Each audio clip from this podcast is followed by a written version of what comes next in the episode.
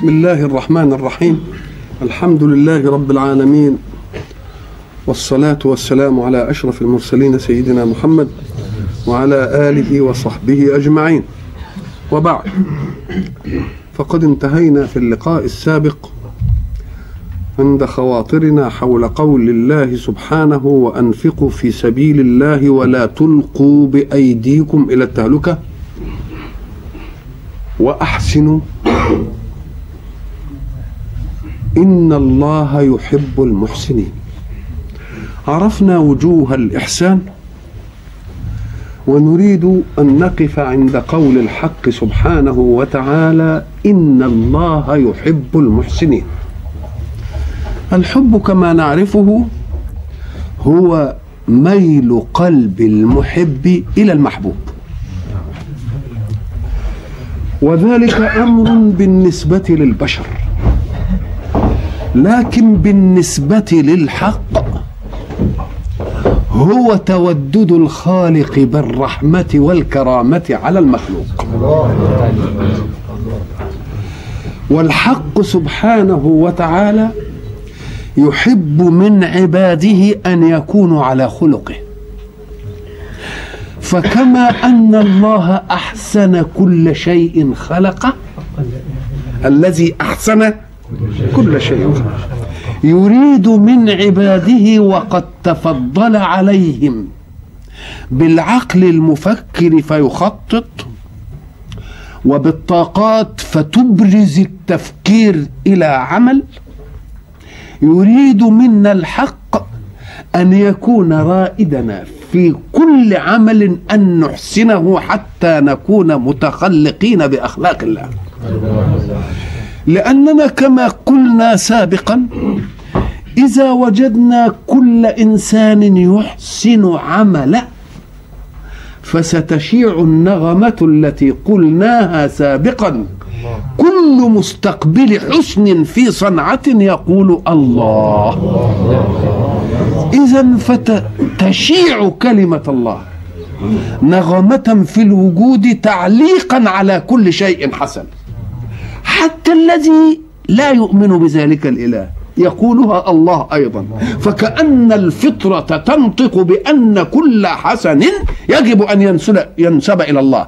سواء كان الله هو الذي فعل مباشرة كالأسباب والكونيات والنواميس أو خلق من فعل الحسن.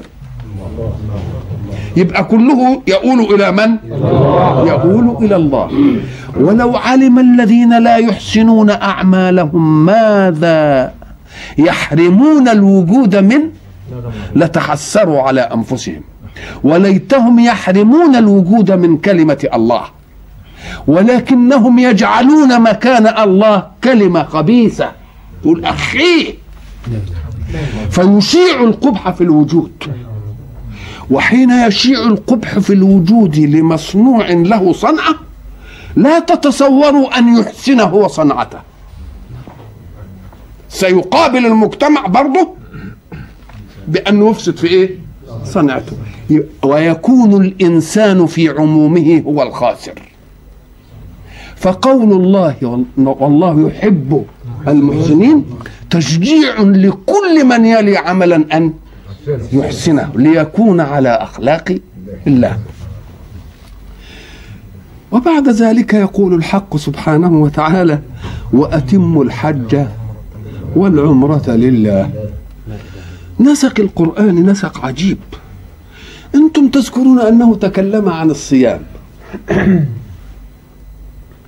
وبعد ذلك تكلم عن الحج. وجعل الأهلة مواقيت للناس.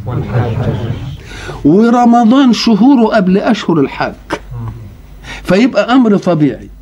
وأمر آخر يستدعي أن يتكلم في الحج وهو أن الكلام في أصل القتال في الأشهر الحرم وعند الحرم ولا تقاتلوهم عند المسجد الحرام حتى. وفي آية لا يسألونك عن الأهلة جعلها مواقيت للناس وخص الحجة. يبقى إذن الكلام عن الحج كلام سياقي طبيعي. كلام حين يقول الله وأتم الحج والعمرة نفهم منها إيه؟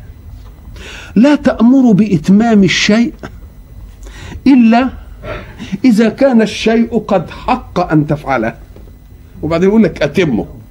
مش بداية مشروعية لا ده بيقول لك أتم الحج فكأنك بصدد أنك بدأت فيه.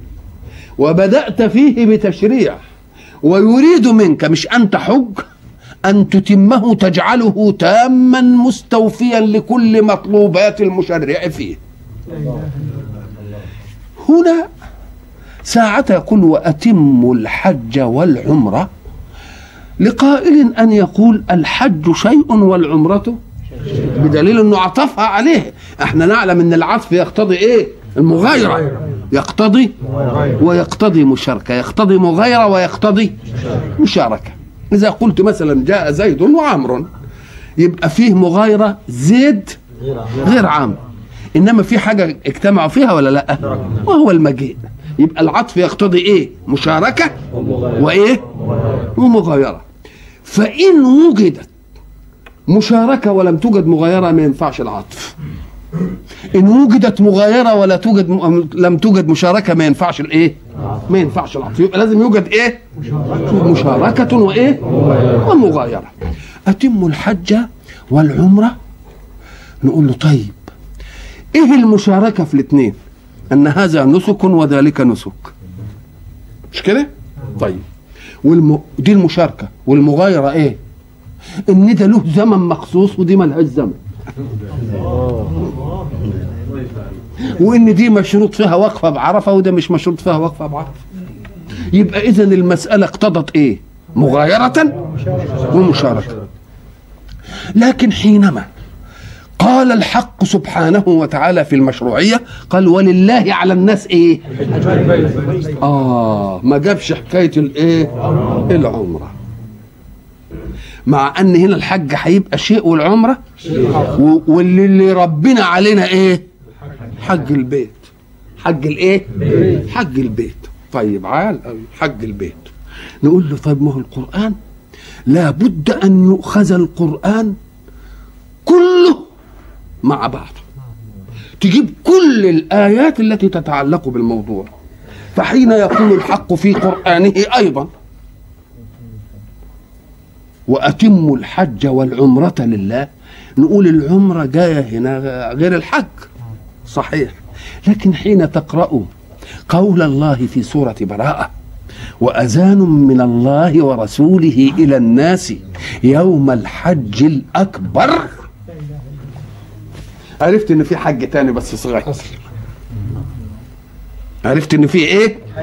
حج تاني. ما دام يقول الحج الأكبر. يبقى فيه إيه؟ زي ما تقول للواحد أخوك الأكبر كلمني. يبقى فيه كبير مش كده؟ وفي أكبر. يبقى اذا ما دام قال الحج وقيده بالأكبر يبقى في حج قول قول كبير. بلاش أصغر دي. كبير وعريض كبير وعريض ليه رحت الصغير دي؟ عندك مرحلة واسعة برضو تخليها يعني. كبير برضو. كويس كده؟ آه. يبقى اذا فهمنا ولذلك الآية في قوله ولله على الناس حج البيت. جاب البيت وهو القدر المشترك في الحج والعمرة. الله. مع أن النبي قال الحج عرفة. نعم نعم. مع أن النبي عليه الصلاة والسلام قال إيه؟ حج عرفة. لكن في ال- ال- الحيثية التعليلية هناك في الأمر ولله على الناس حج الإيه؟ طب ما كان يجيب الخصوصية. كان يجيب الخ... لو أنه يريد الحج المزمون بزمن ومكان هو عرفة. كان يجيب الإيه؟ لكن هو جاب الخصوصية. عرفة. النبي قال الحج إيه؟ لكن هو جاب القدر الإيه؟ مشترك القدر المشترك. يبقى كلمة ولله على الناس. حج البيت يعني القصد إلى معظم هو البيت. فإن كان في زمن مخصوص هو الأشهر يبقى ده الحج الإيه؟ الأكبر. وإن كان في زمن ما هوش مخصوص يبقى الحج الإيه؟ الحج الكبير. ومعقول جدا أن يسمي الحج اللي في أشهر معلومات وفي عرفة يسميه الحج الأكبر. معقول ليه؟ أم قال لك؟ لأن زمن العمرة زمن شائع في كل السنة. فالقاصدون للبيت يتوزعون على العام كله. ولكن ده نظرا لأنه عرفة يبقى لازم كله حي إيه؟ يبقى الحشد أكبر ولا لا؟ يبقى المسألة أمر طبيعي. الأمر إيه؟ الأمر طبيعي. واتموا الحج والعمرة لله. يبقى الحج هنا هو إيه؟ الحج الأكبر. الحج الأكبر. والعمرة يبقى الحج هو الكبير. ويبقى التشريع ثبت بقوله سبحانه ولله على الناس حج الإيه؟ وما دام جاء بالأمر المشترك في قوله حج البيت يبقى يريد مين؟ الاثنين الحج الأكبر والحج الإيه. والحج الكبير. آه الآية دي جاءت تجيب الحج الأكبر والحج الإيه؟ بالتوزيع. والأكبر. وأتموا الحج والعمرة. الحق سبحانه وتعالى يخاطب عباده. ويعلم جيدا أن بعض الناس سيقبلون على العبادات إقبالا شكليا. وقد يقبلون على العبادة لأغراض أخرى غير العبادة. فكان ولا بد أن يبين أن مجرد القصد للحج والعمرة الم- المطلوب منا إتمامهم لازم يكون لله. لا لشيء آخر. ما هو فيه ناس حتى بيروحوا بعثة نشل. مش كده ولا إيه؟ لله. عايز يبقى الحج اشمعنى فلان يبقى الحج وده مش الحج ولذلك كنا كنا يعني حريصين على إن كلمة الحج دي تيجي. طب ليه مش معنى الركن دي اللي نقول الحج فلان؟ الله طب ما قلناش المصلي فلان ولا المزكي فلان ولا الصايم فلان. حج مسألة يعني. فيمكن كده. وحد عارف آه يبقى لله. وما دام القصد فيه لله هتخدمنا في قضايا متعددة. إيه القضايا؟ أنا عايز أحج لله. يبقى مش ممكن هحج إلا بمال شرع الله وسائله. وأناس كثيرون يظنون ساعه ما يسمعوا كده إن الح- من حج فلم يرفث إيه؟ ولم يفسق خرج من ذنوبه كيوم إيه؟ ولدته يقوم يقول لك يبقى عمل المظالم اللي عملها وبعدين يقول لك نحج لها حج.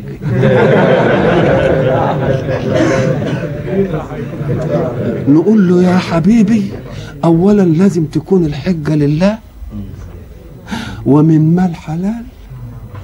كويس أديك إيه؟ وما دام لله ومن مال حلال لازم تعرف عشان ما تنغشش. مش الذنوب كلها اللي هتخرج منها كيوم ولدتك أمك. الذنوب المتعلقة بالحق سبحانه وتعالى. ليه؟ لأن الذنب المتعلق بالله أنت ما ضايقتش ربنا بيه. إنما الذنب المتعلق بالبشر هو اللي ظلمت البشر إنما ما حدش منا يقدر يظلم ربنا. ولذلك الحاج ده اللي بكده يقول لك أنا خلاص ما. لأنه حد ضايق ربنا في حاجة. إنما حقوق العباد أنت ضايقت العباد. يبقى لازم إيه, إيه حقوق العباد تستوفى.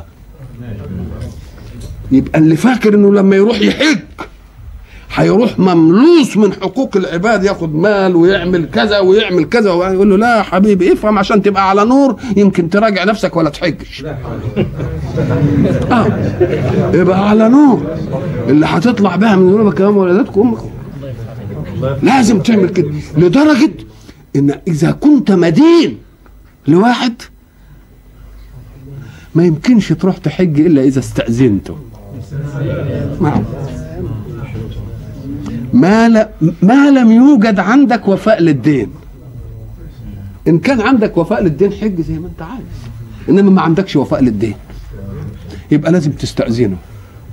إن أذن لك فاعلم أنها إجازة. أو تستأذن الكفيل بتاعك. فلان كفلك عند الداء عند الداء. تستأذن الكفيل لأنه هيغرم. هي إيه؟ يبقى بده عمال ينقيها ولا لأ؟ ما دام عايز تحج لله يبقى الله طيب لا يقبله إلا الطيب. واتموا الحج والعمرة لله. والحق سبحانه وتعالى حين يشترط شيئا في تشريع يبقى بيحتاط لواقع يعلم كينونته من خلقه. كلمة وأتم الحج والعمرة لله افهم إن الله لا يقولها إلا لأنه عالم إن بعض الناس هياخدها لمين؟ لنفسه.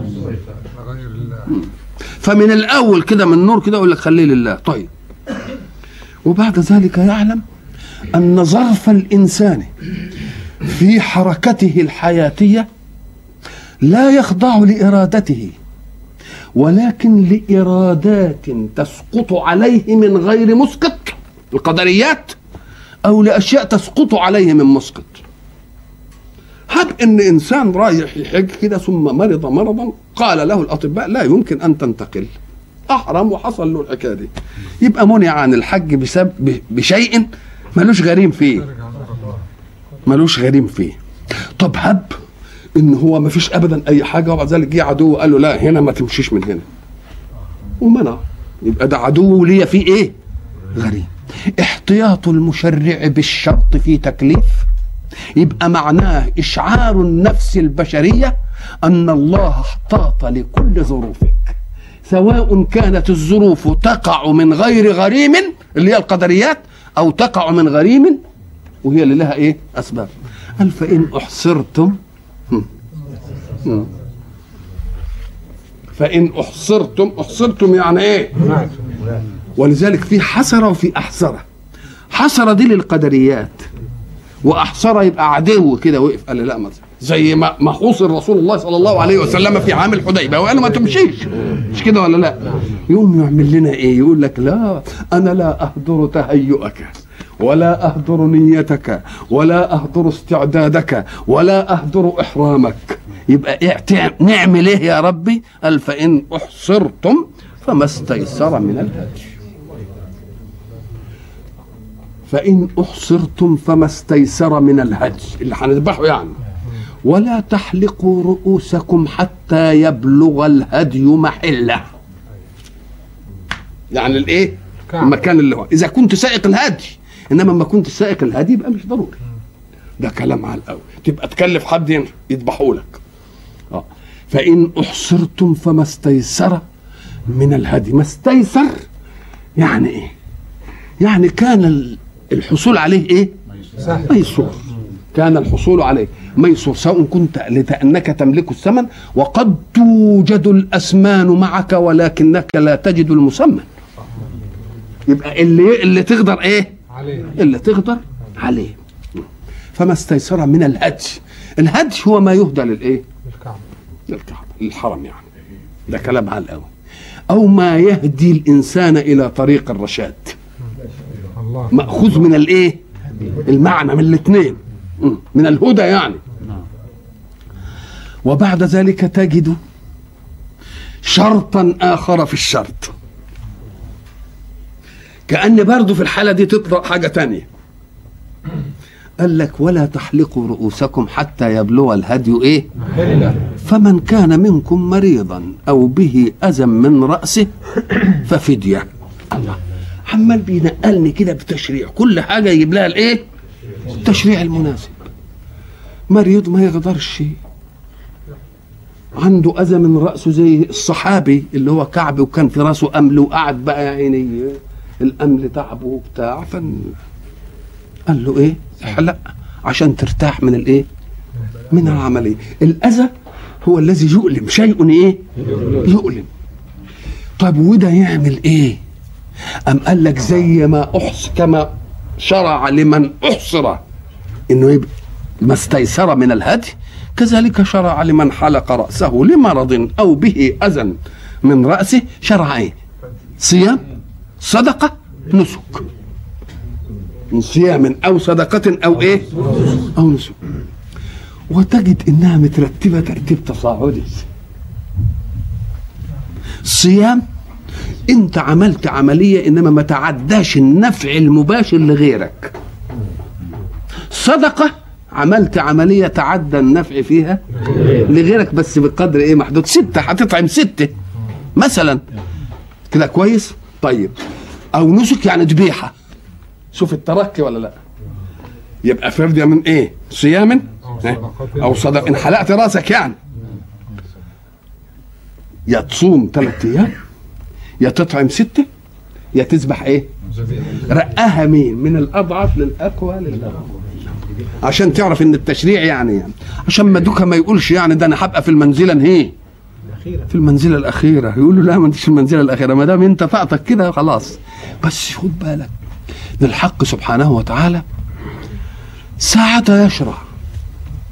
دم عشان تكفر عملية من عمليات المطلوبة في في الحج. برضه قال لك طب افرض إنه ما وجدش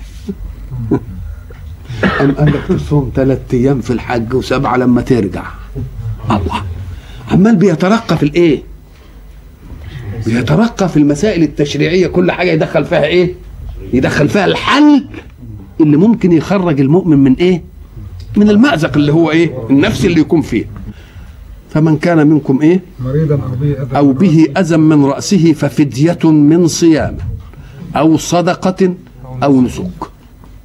فإذا أمنتم يعني راح الإحصار فمن تمتع بالعمرة إلى الحج فما استيسر من الهدي. إحنا قلنا إن العمرة قصد البيت في مطلق زمان من العام.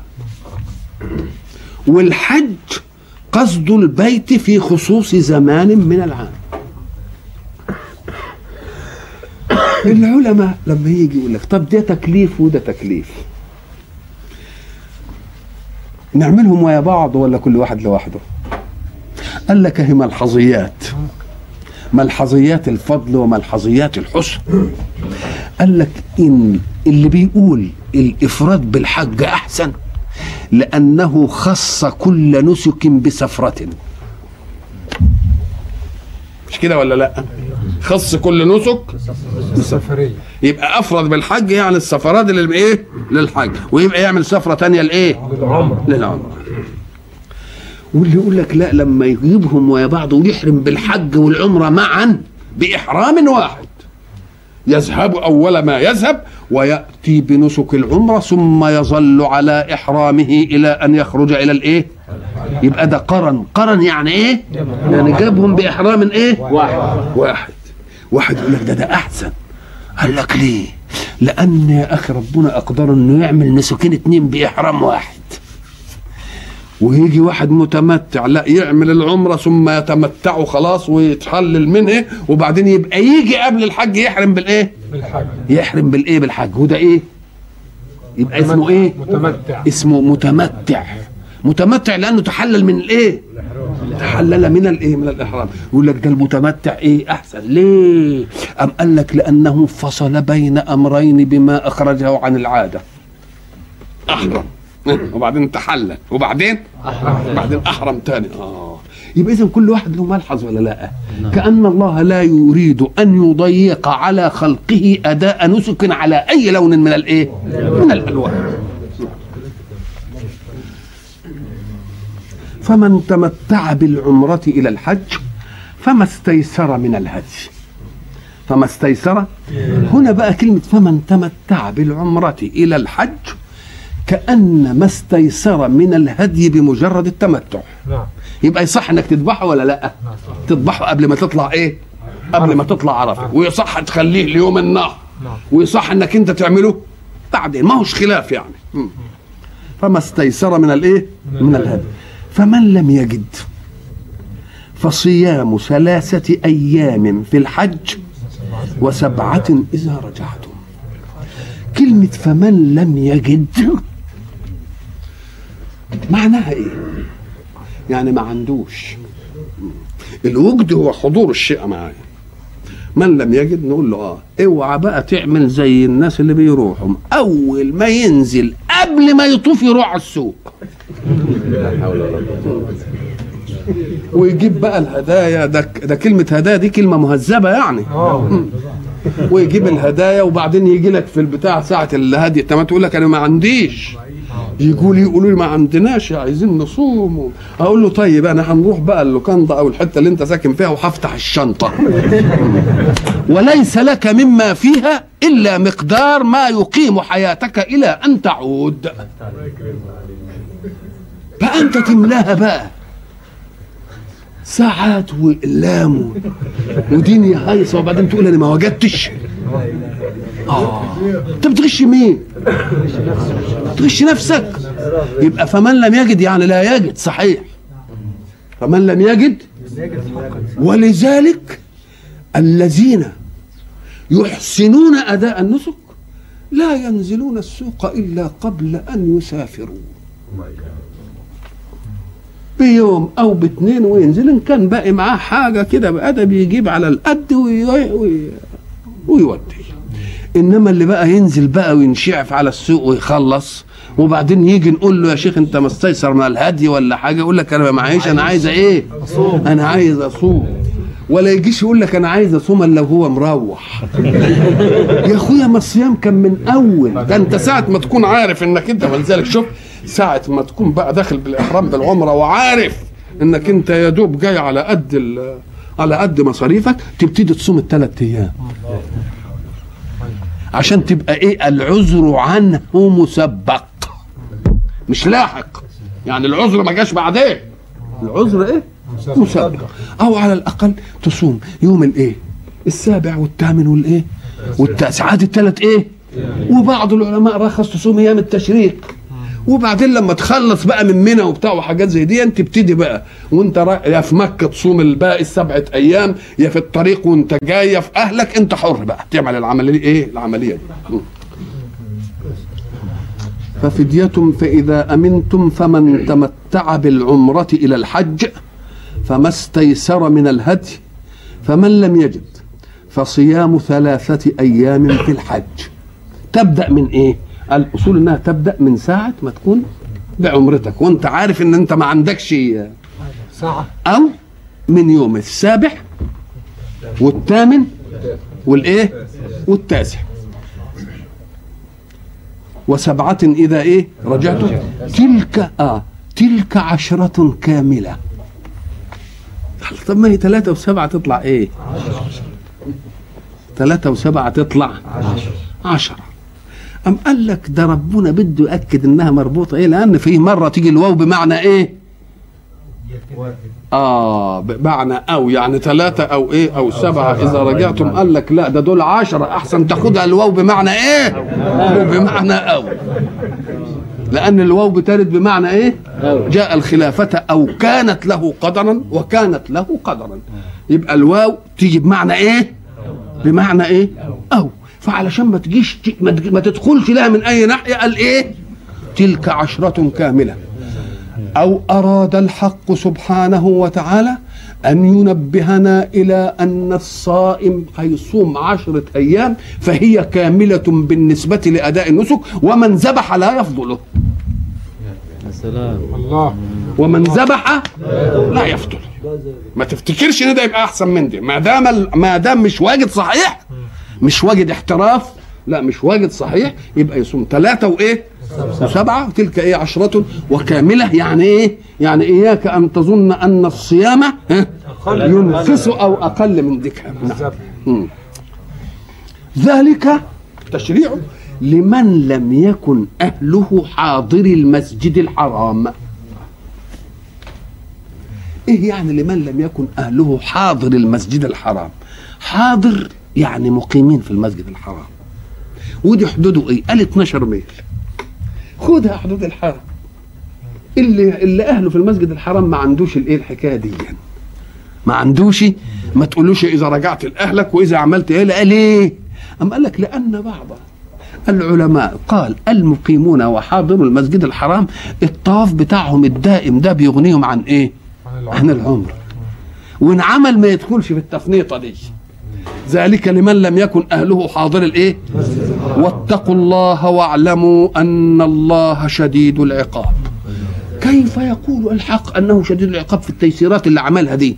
يعني إياكم أن تغشوا في هذه التيسيرات. إياكم أن تغشوا في هذه التيسيرات. كأن من المعقول إننا نعمل إيه؟ ان يمكن ندلس شوية في دي. إنما أن الله إيه؟ شديد الإيه؟ شديد العقاب م. الحج أشهر معلومات. أشهر معلومات. طب في الصوم قال شهر رمضان الذي أنزل فيه القرآن. ما قاليش الأشهر المعلومات ليه بقى أخرى؟ كان يقول لي شوال وذي القعدة و... وذي الحجه زي ما قال شهر رمضان الذي أنزل فيه القرآن. قال لك إيوه لأن التشريع في رمضان ده خاص جه فلازم يعين زمنه. لكن الحج ده أصله كان معروف عندهم قبل الإسلام وعارفين إيه؟ وعارفين شهوره وعارفين كل حاجة فمش عايزة يعني. يعني كانوا بيحجوا قبل الإيه؟ قبل الإسلام. فالأشهر المعلومات طب الأشهر المعلومات دي اللي هي إيه يعني؟ شوال؟ ها؟ وذي القعده وعشر من إيه؟ وبعدين بوقفة عرفة وبأيام منها بتنتهي ولا لأ؟ أم قال لك ما هو بعض الشهر دخل في إيه؟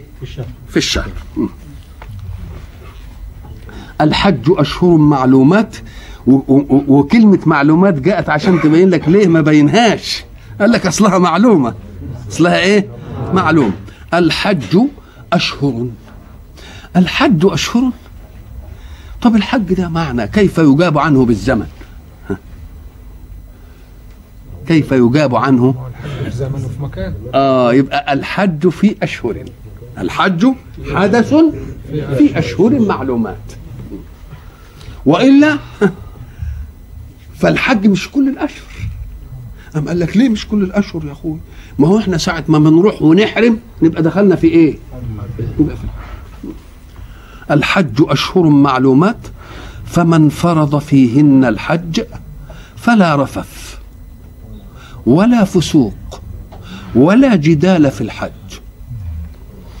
الرفس للسان رفس وللعين رفس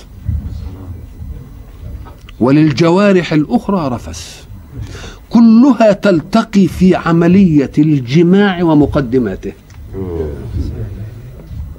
رفس اللسان في الحج. إنه يجيب سيرة العملية دي بالنسبة لله.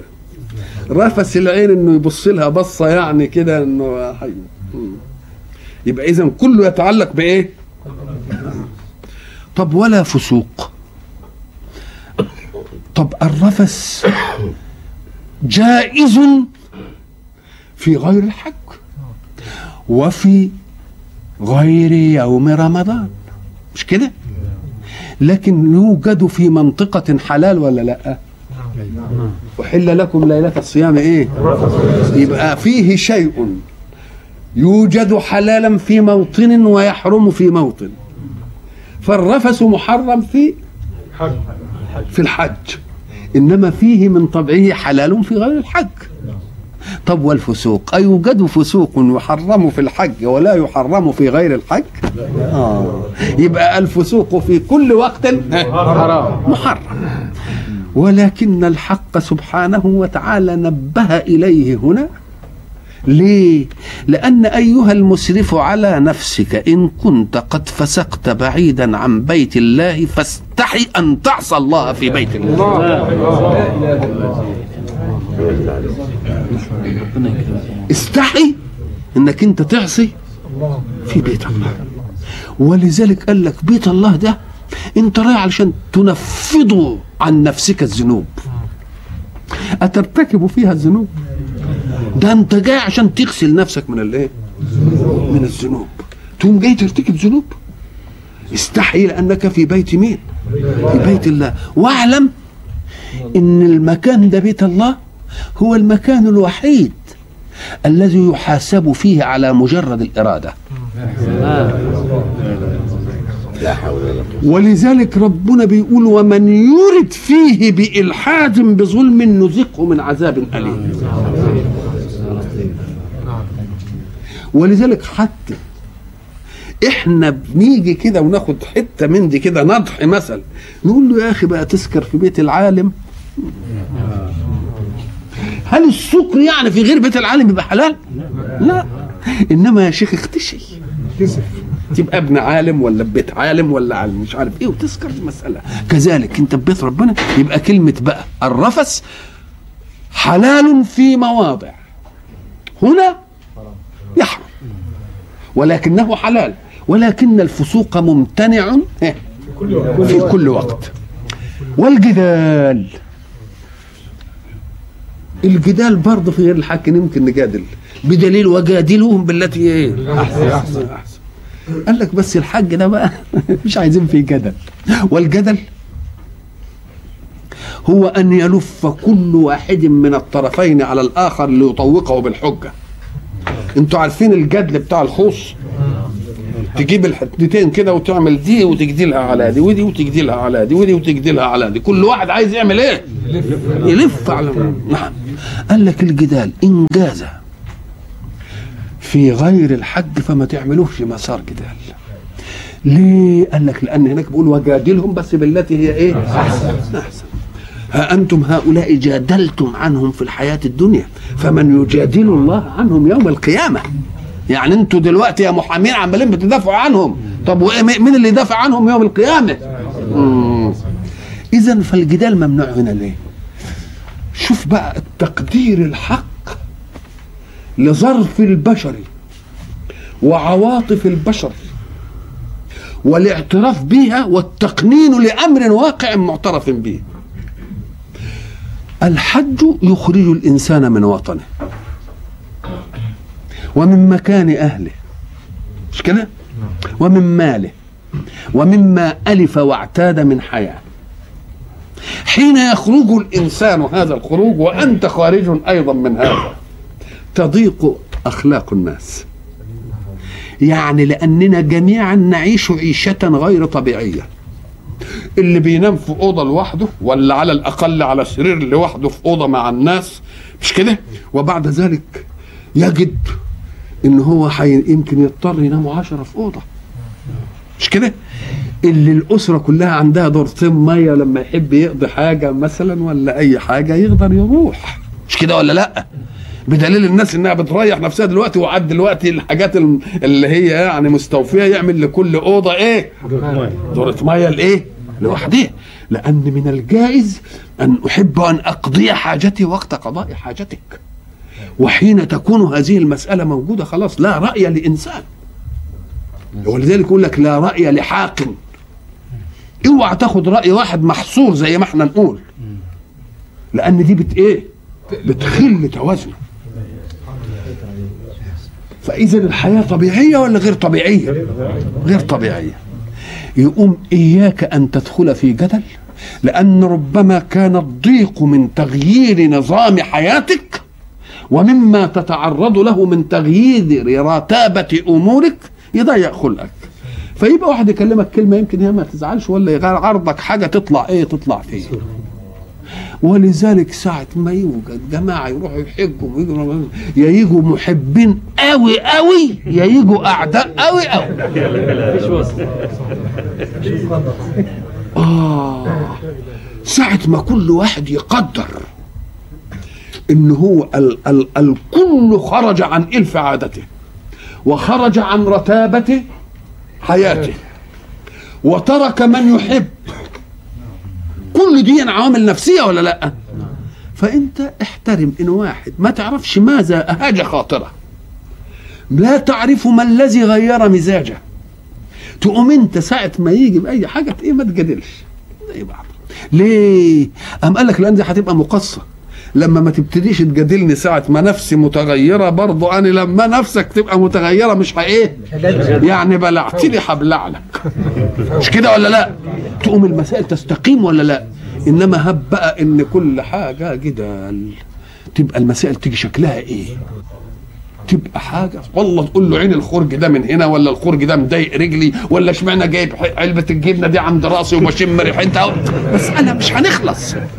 أم قال لك لا جدال في الحج واحتسبوا خروجكم عن عاداتكم وعن رتابة أموركم وعن أنسكم بأهلكم واشتغلوا بالأنس بالله لتتحملوا في جانبه كل شيء. ويكفي أنك في بيت الله. يكفي. فيبقى الحق سبحانه وتعالى قال إيه؟ فمن فرض فيهن الحج يعني نوى.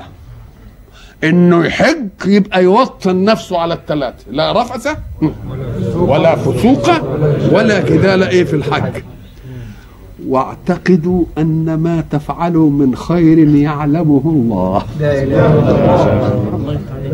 ما تفعلوا من خير يعلمه الله. بعد فعلك ولا هو يعلمه قبل فعلك؟ هو علمه قبل فعلك إنه هيحدث إنما في فرق بين علم ما يحدث وعلم ما إيه؟ ما حدث بالفعل. لأن هو الحجه عليك في أن يعلم عنك ما يحدث منك ولا أن يعلم عنك ما حدث بالفعل. ما حدث بالفعل. وما تفعلوا من خير يعلمه الله وتزودوا فإن خير الزاد التقوى. ما هو الزاد؟ الزاد هو ما يأخذه المسافر ليتقوى به على سفره. وده طبعا كانت عند العرب قديما أمر موجود لأن المكان الذي يذهبون إليه ما فيش فيه أكل. كل ظرف من الظروف دلوقتي اتغير. وعادة الناس اللي كانت تذهب إلى هناك ومعها أكفانها. ومعها ملح طعامها. ومعها الخيط والإبرة. ما كانش في حاجة هناك. أصبحت تذهب إلى هناك لتأتي بكماليات الحياة.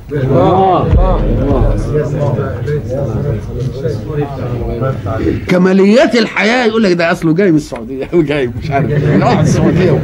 سبحان الله العظيم. كأن الحق سبحانه وتعالى جعل من كل ذلك إيزان بأنه أخبر قديما يوم كان الوادي غير ذي زرع.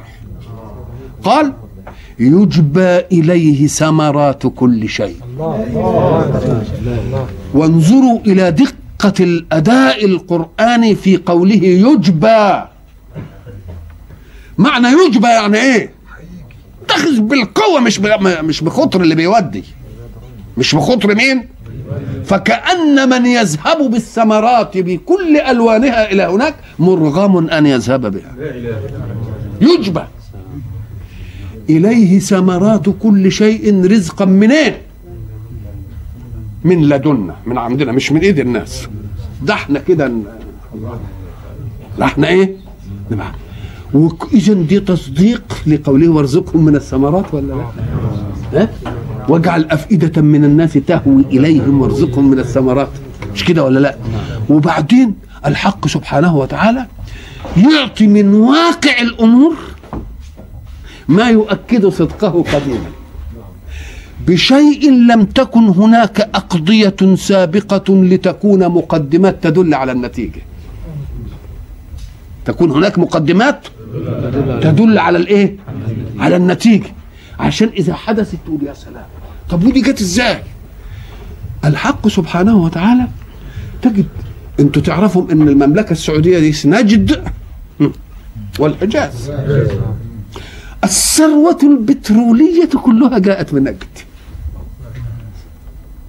فلو أن الحجاز لم يدخل في المملكة بأيام عبد العزيز أبي سعود لظل الحجاز كما هو وأخذت نجد كل الخير.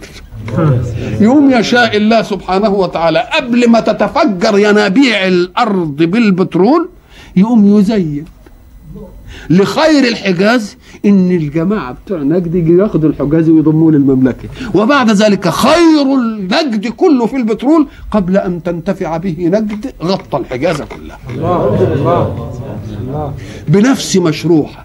معمار ابتدأ هناك طرق ابتدأت هناك ما التفتوش إلى أنهم يعملوا في نجد إلا بعد ما شبعت مين؟ حجاز. شبعت الحجاز. يجبى إليه ثمرات كل شيء. كل شيء رزقا من لدنا وإلى لقاء آخر إن شاء الله.